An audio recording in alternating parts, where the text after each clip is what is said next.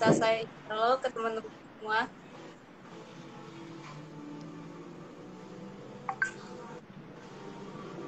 Halo Mbak, suaraku masih nggak ya Mbak? Masih masih. Oh masih. Mungkin Mbak Cindy bisa nih, halo ke teman-teman semua. Iya, perkenalan ya? Iya, sebelum Ya, kenali.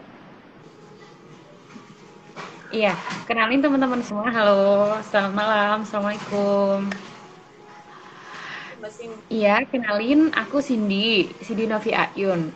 Eh, lulusan Fakultas Perikanan dan Kelautan eh, FPK UNER eh, tahun 2020 kemarin. Kebetulan juga eh, alumni bidik misi yang jadi lulusan eh, berprestasi dari dari Fakultas Perikanan dan Kelautan pada September 2020 gitu. Kebetulannya seperti itu. Terus apalagi? Aku aslinya Kediri. Eh mungkin teman-teman yang bidik misi juga pada tahu. Eh, mungkin juga udah kenal. Kalau anak-anak sekarang mungkin banyak yang maba ya ini Dik yang ikut. Iya, Oh ya, halo adik-adik maba. Kalau kalian bidik misi jangan takut bermimpi ya.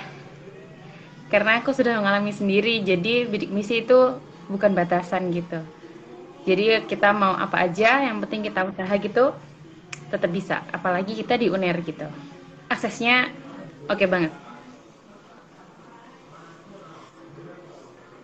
baik nih. Kita baru mulai aja udah dapat kata-kata motivasi nih Mbak dari Mbak Cindy. Misi nggak boleh berhenti bermimpi ya Mbak. Kita pasti bisa.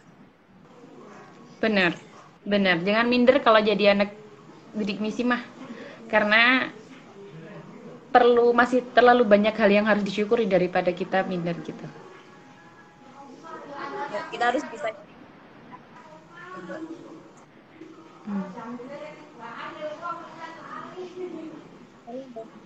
Karena waktunya juga udah mau masuk ya Mbak, masuk ke jadwal sesuai rundown. Kita bakal mulai aja ya Mbak. Oke teman-teman Iya. semua, Assalamualaikum warahmatullahi wabarakatuh. Selamat malam, selamat datang dalam acara bisnis kreatif dengan tema kuliah takut. Baik, sekarang kita udah sama Mbak Cindy nih. Sama narasumber kita yang keren banget, yang kuliahnya di Cina, dapat punya bisnis juga sekarang jadi CEO of Marine Bar Company. itu ya Mbak Ri- Mari. Iya, benar. Nah, mungkin sini Mbak.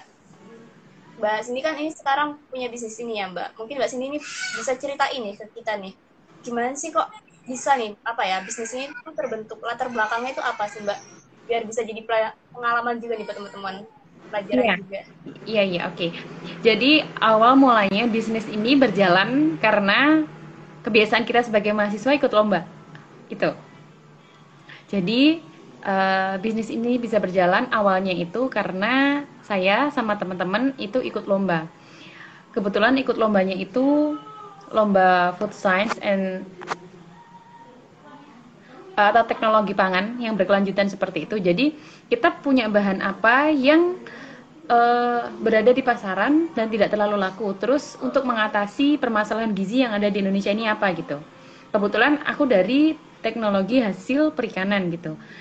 Dan berlatar belakang dari hal yang sangat simpel yang aku alami sejak kecil bahwa ikan lele yang ada di desaku itu harganya murah gitu deh. Apalagi itu yang oversize, dia yang ukurannya besar-besar itu jarang dibeli. Pasti petani itu selalu merugi kalau terlalu besar. Akhirnya di, dimakan sendirilah gitu. Kebetulan keluargaku juga pe- pembudidaya ikan gitu, jadi merasakan hal itu.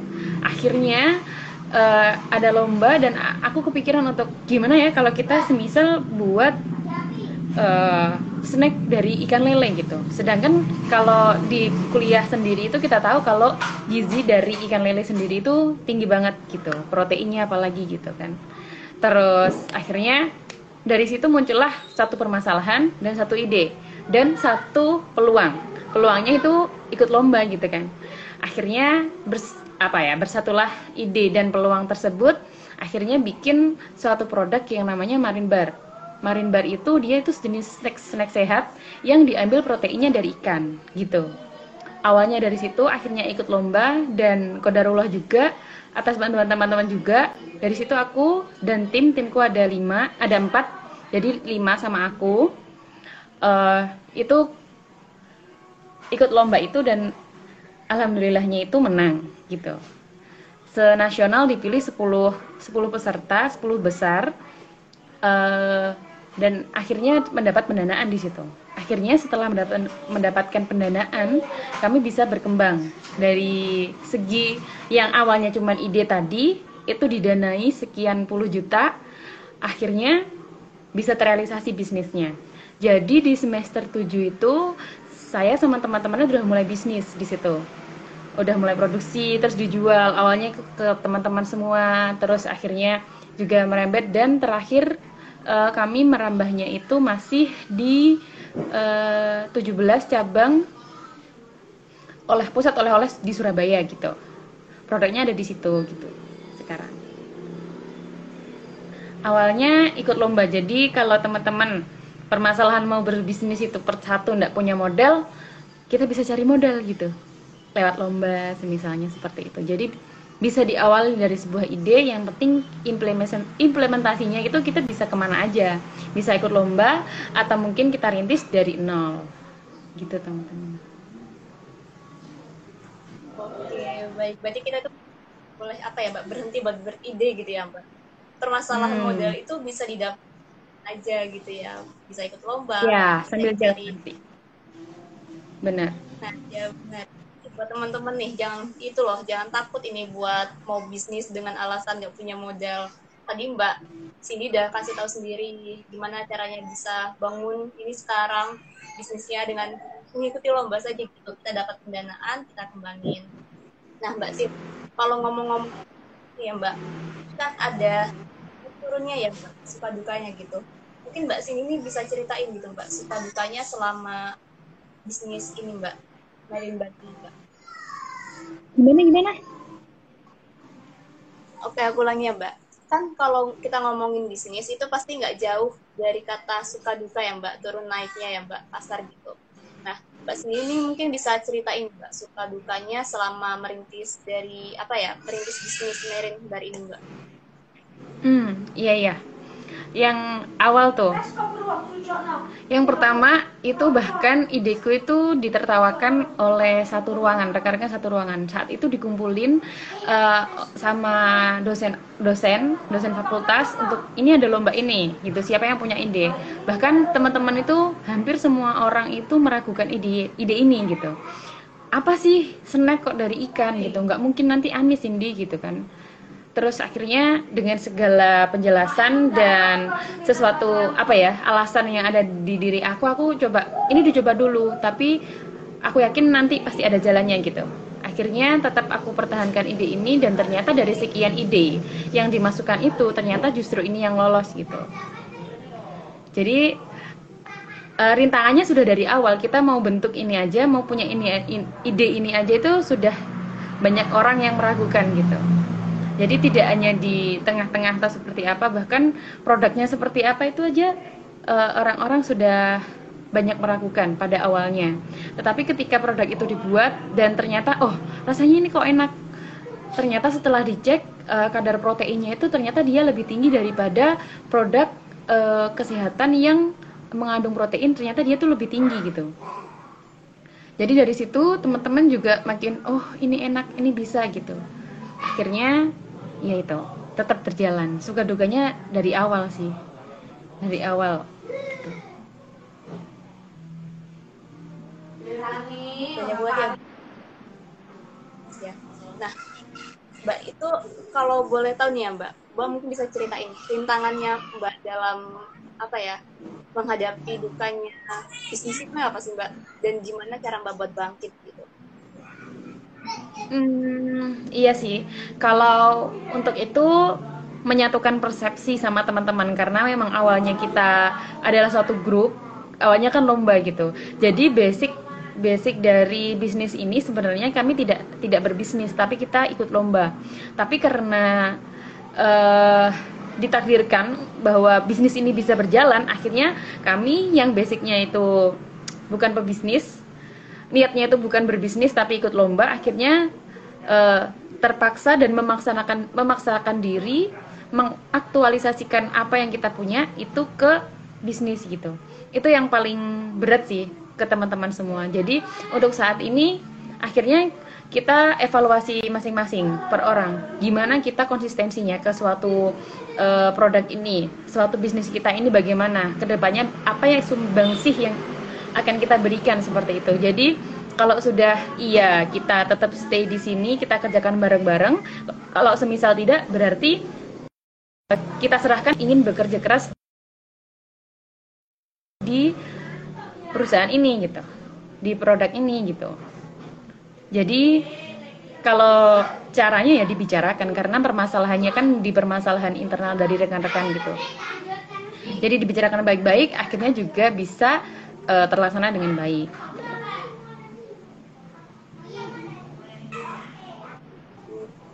ya Mbak, kita kalau dalam nyatu pendapat gitu argumen itu susah ya Mbak buat jadi satu gitu ya. Mesti benar, ada benar. aja pertentangan. Bener, apalagi kita sama-sama apa ya, sama-sama rekan, sama-sama manusia berpendidikan gitu. Pasti semuanya itu bukan hal yang buruk yang dibicarakan, tetapi mereka sama-sama kita sama-sama ingin menginginkan hal yang terbaik daripada hal-hal yang baik gitu. Itu yang sangat-sangat struggle sih.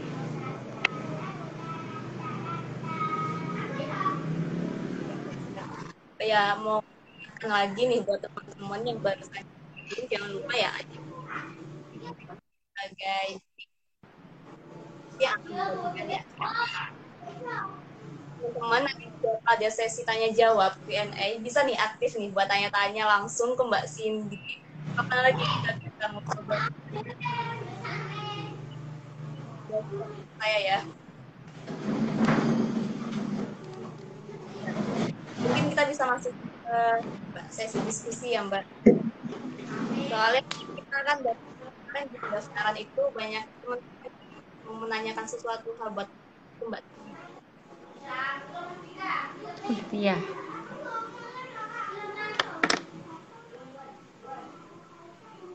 ini aku bakal lagi diskusinya dengan itu memberikan pertanyaan yang dari teman-teman semua buat Mbak Cindy. Ini ada pertanyaan dari Sinta Cahya Mailina. Mana nih Sinta nih? Ini pertanyaan Mbak.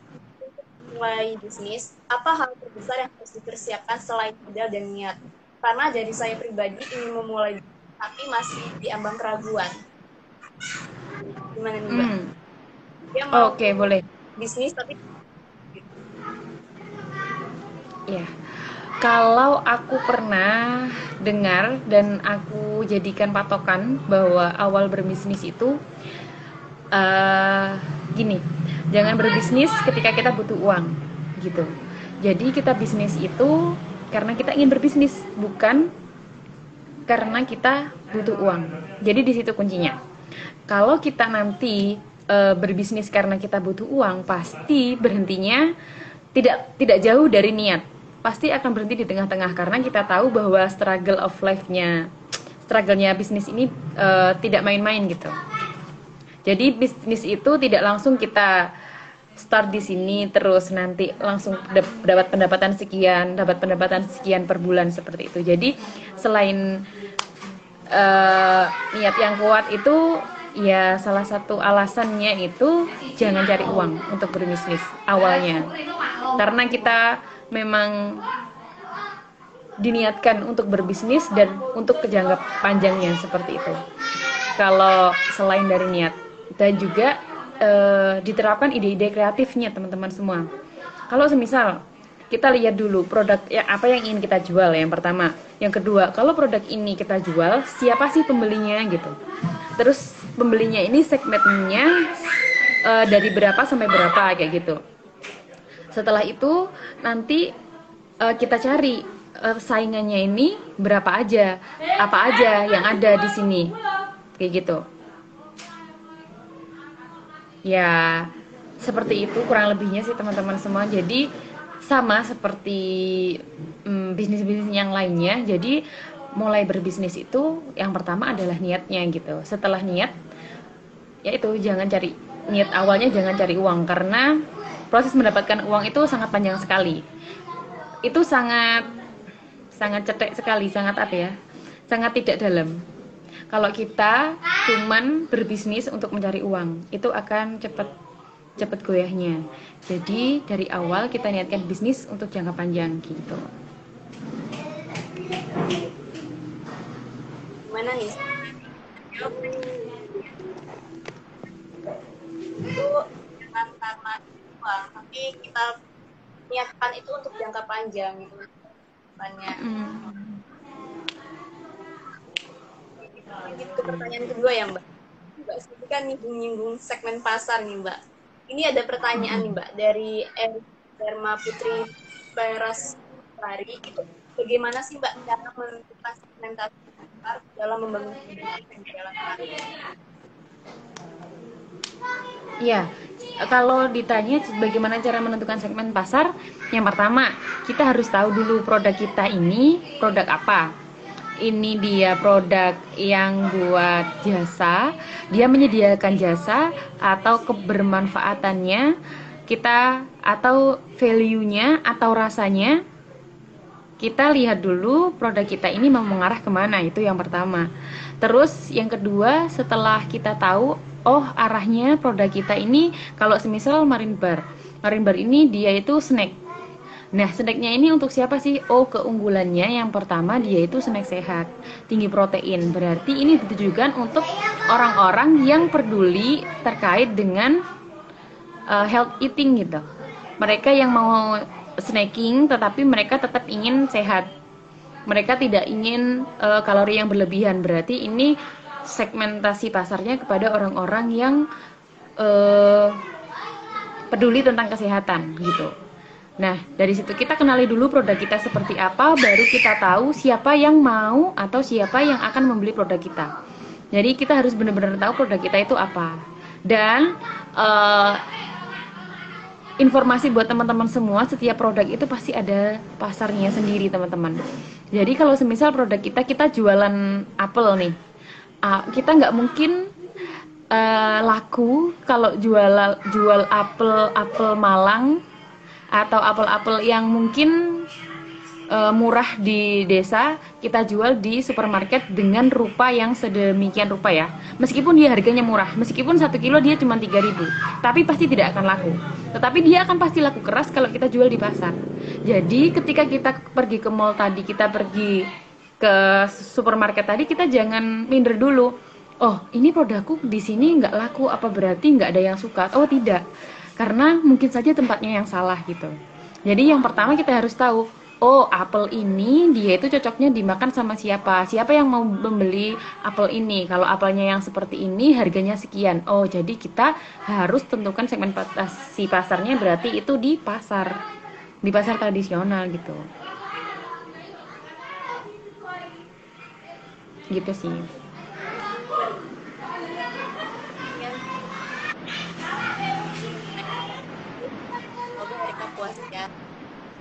Kita harus tahu dulu ya mbak produk kita itu apa baru kita bisa untuk ini pasar kita itu gimana ya.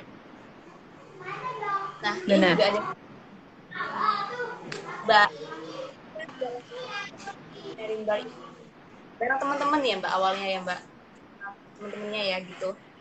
Dari awal ide buat lembaga ini ada pertanyaan. Mencari partner bisnis bisnis yang benar-benar niat gitu mbak dalam berbisnis dan apakah dalam berbisnis itu membutuhkan modal awal yang besar? Hmm, ya. Kalau yang pertama tadi, apakah berbisnis itu membutuhkan modal yang besar? Tidak.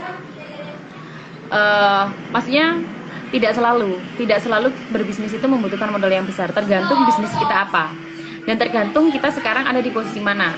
Kalau kita sekarang uh, punya modal yang besar, kita bisa melakukan bisnis yang dengan bermodalkan yang besar. Tetapi kalau semisal tidak punya, jang, kita tidak bisa beralasan bahwa kita tidak punya bisnis karena kita nggak punya modal. Tidak bisa seperti itu.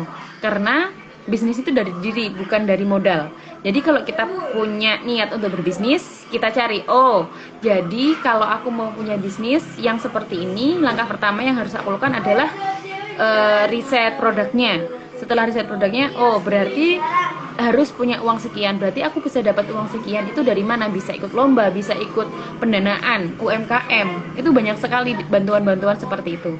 Jadi besar kecilnya eh, modal itu tergantung kita. Jadi tidak ada alasan bahwa kita tidak bisa ikut atau kita tidak bisa mendirikan suatu bisnis karena kita tidak punya modal seperti itu.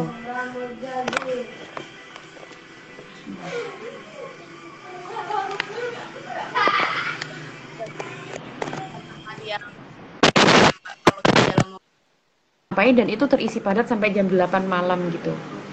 Jadi kalau uh, untuk time management saya benar-benar uh, berusaha membagi waktu karena yang saya dapat dulu dari dosen saya itu bilangnya seperti ini. Jangan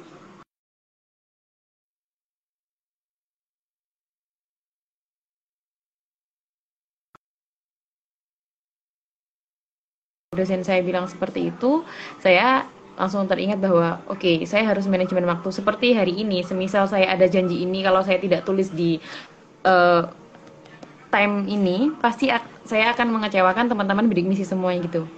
Teman-teman di bidik misi uner semuanya seperti itu. Jadi manajemennya benar-benar detail. Kalau jam sekian kuliah jam sekian kuliah jam sekian untuk riset bahan ya riset bahan. Untuk uh, waktu produksi ya waktu produksi gitu gitu-gitu.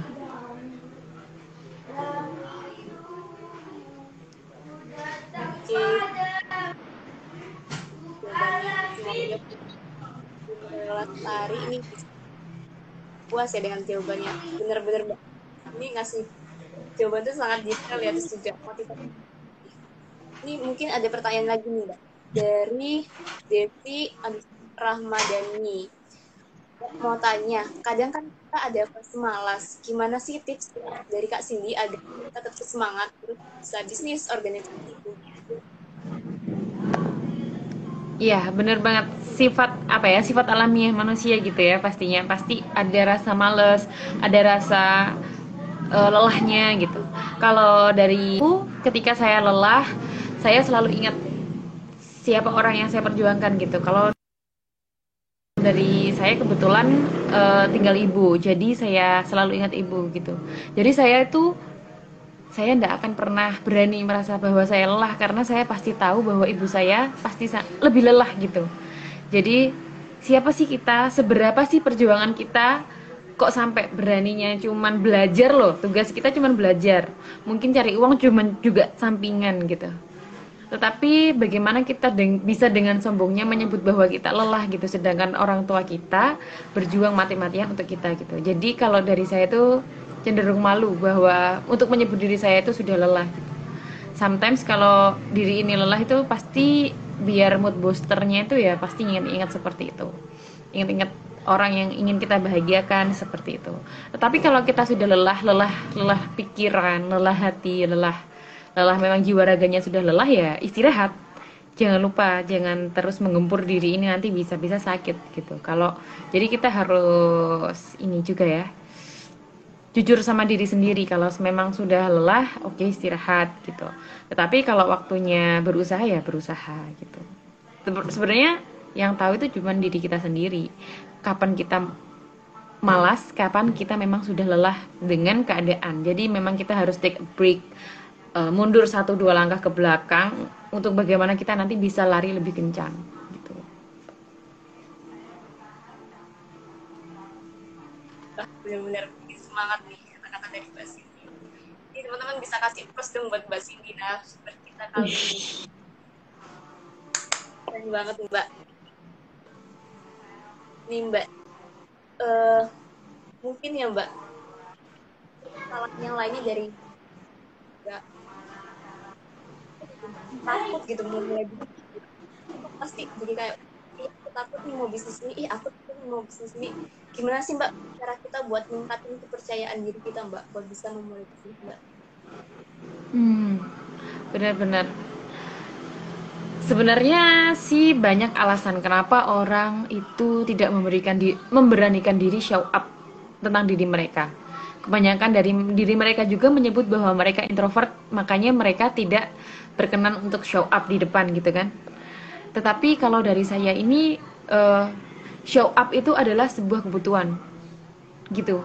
Jadi kalau semisal kita ingin kita tampil di depan, kalau kita uh, masih malu untuk berbicara di depan ya kita latihan gitu dengan latihan dan kita sebenarnya itu ketidakpercayaan diri itu karena uh, keyakinan ketidakyakinan pada diri bahwa kini bahwa kita bisa. Berarti obatnya itu apa? Memastikan bahwa kita bisa gitu. Jadi sebelum kita minder kita harus cari tahu apa sih yang membuat kita minder. Jadi kita perkaya kita perluas apa yang membuat kita minder di situ. Semisal kita semisal uh, dulu awalnya pasti teman-teman malu untuk berbicara di depan uh, jadi MC dan sebagainya gitu kan itu di situ kita justru harus menantang diri kita untuk berlatih di situ jadi setiap hari ngomong di depan kaca itu enggak apa-apa karena kita tahu bahwa kita itu berkur apa kurang di situ jadi kita push sesuatu hal yang mungkin jadi kelemahan kita kita jadi uh, percaya bahwa kita bisa gitu. Dengan apa ya latihan. Kalau semisal kita takut untuk berbisnis, mulainya bagaimana? Nanti kalau kita uh, rugi bagaimana? Ya kita mulai dari awal kecil-kecil dulu. Oke, coba. Oh, coba cari yang paling uh, tidak rentan untuk uh, bisnisnya bangkrut seperti itu. Jadi kita cari hal-hal langkah-langkah kecil aja kalau semisal kita takut langkah yang besar gitu. It's okay. It's if we walk slower daripada kita cuman stand up cuman berdiri nggak jalan sama sekali itu akan lebih oke okay kalau kita tetap jalan meskipun kita merangkak meskipun kita uh, tidak berjalan dengan cepat. At least kita jalan. Jalan jalan jalan jalan jalan karena dengan jalan itu kita akan sampai pada tujuan. Gitu. Itu sih kalau sharing buat teman-teman semuanya. Terima makasih banyak nih Mbak Cindy buat semua jawabannya, buat semua ilmu-ilmunya nih, buat semua. Mungkin tadi itu pertanyaan penutup ya Mbak dari sesi kita kali ini. Nah, terima kasih banyak Mbak Cindy udah waktunya nih buat sharing-sharing bareng. Nah, kembali. Terima kasih banget. Semoga sukses selalu, semoga sehat selalu ya Mbak. Amin. Iya, saya hadir di sini juga karena rasa terima kasih saya karena saya bisa lulus dengan beasiswa bidik misi juga rasa syukur saya melatar belakangi uh, tindakan saya hari ini gitu. Jadi semangat buat teman-teman juga yang masih kuliah, yang masih menyelesaikan studinya. Uh,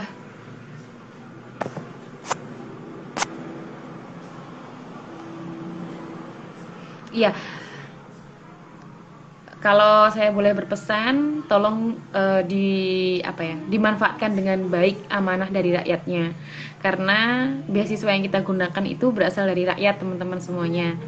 Jadi bagaimanapun uh, belajar yang giat gitu dimanfaatkan semaksimal mungkin karena setiap rupiah yang kita gunakan itu hasil dari keringat dari mereka yang berjuang gitu itu biar kita lebih menghargai beasiswa kita dan berterima kasih atas apa yang uh, diberikan kepada kita saat ini. Semangat buat teman-teman semuanya.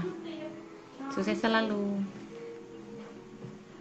Baik, makasih Mbak Cindy. bisnisnya. Nah, teman-teman tadi kita udah ini ya ngobrol bareng sama Mbak Cindy yang keren banget ini siapa sih yang nggak kita ngobrol langsung sama Mbak Cindy tadi aku juga bilang nih buat di sesi Q&A bagi teraktif dan juga penanya terbaik itu bakalan dapat surprise nih dari teman-teman panitia. Nah, wow. aku ucapin selamat Ilsya Ariwijaya bakal dapat surprise nih dari teman-teman, bakal dapat door prize dari dia. Selamat selamat. Nanti Lisa Ariwijaya bisa langsung DP yang ada di poster ya atas nama Mbak Desi. Nanti bisa WA Mbak Desi buat pemilihan hadiahnya. Dan buat teman-teman semua jangan lupa absensi dan dan juga jangan lupa oke. Terus banyak yang bahas ini Terima kasih kembali. Oke, mungkin acaranya ya Mbak.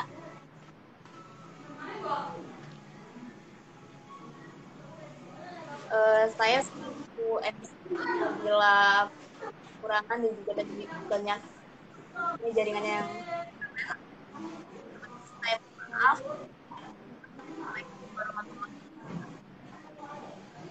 Waalaikumsalam warahmatullahi wabarakatuh. Terima kasih Mbak. Dadah.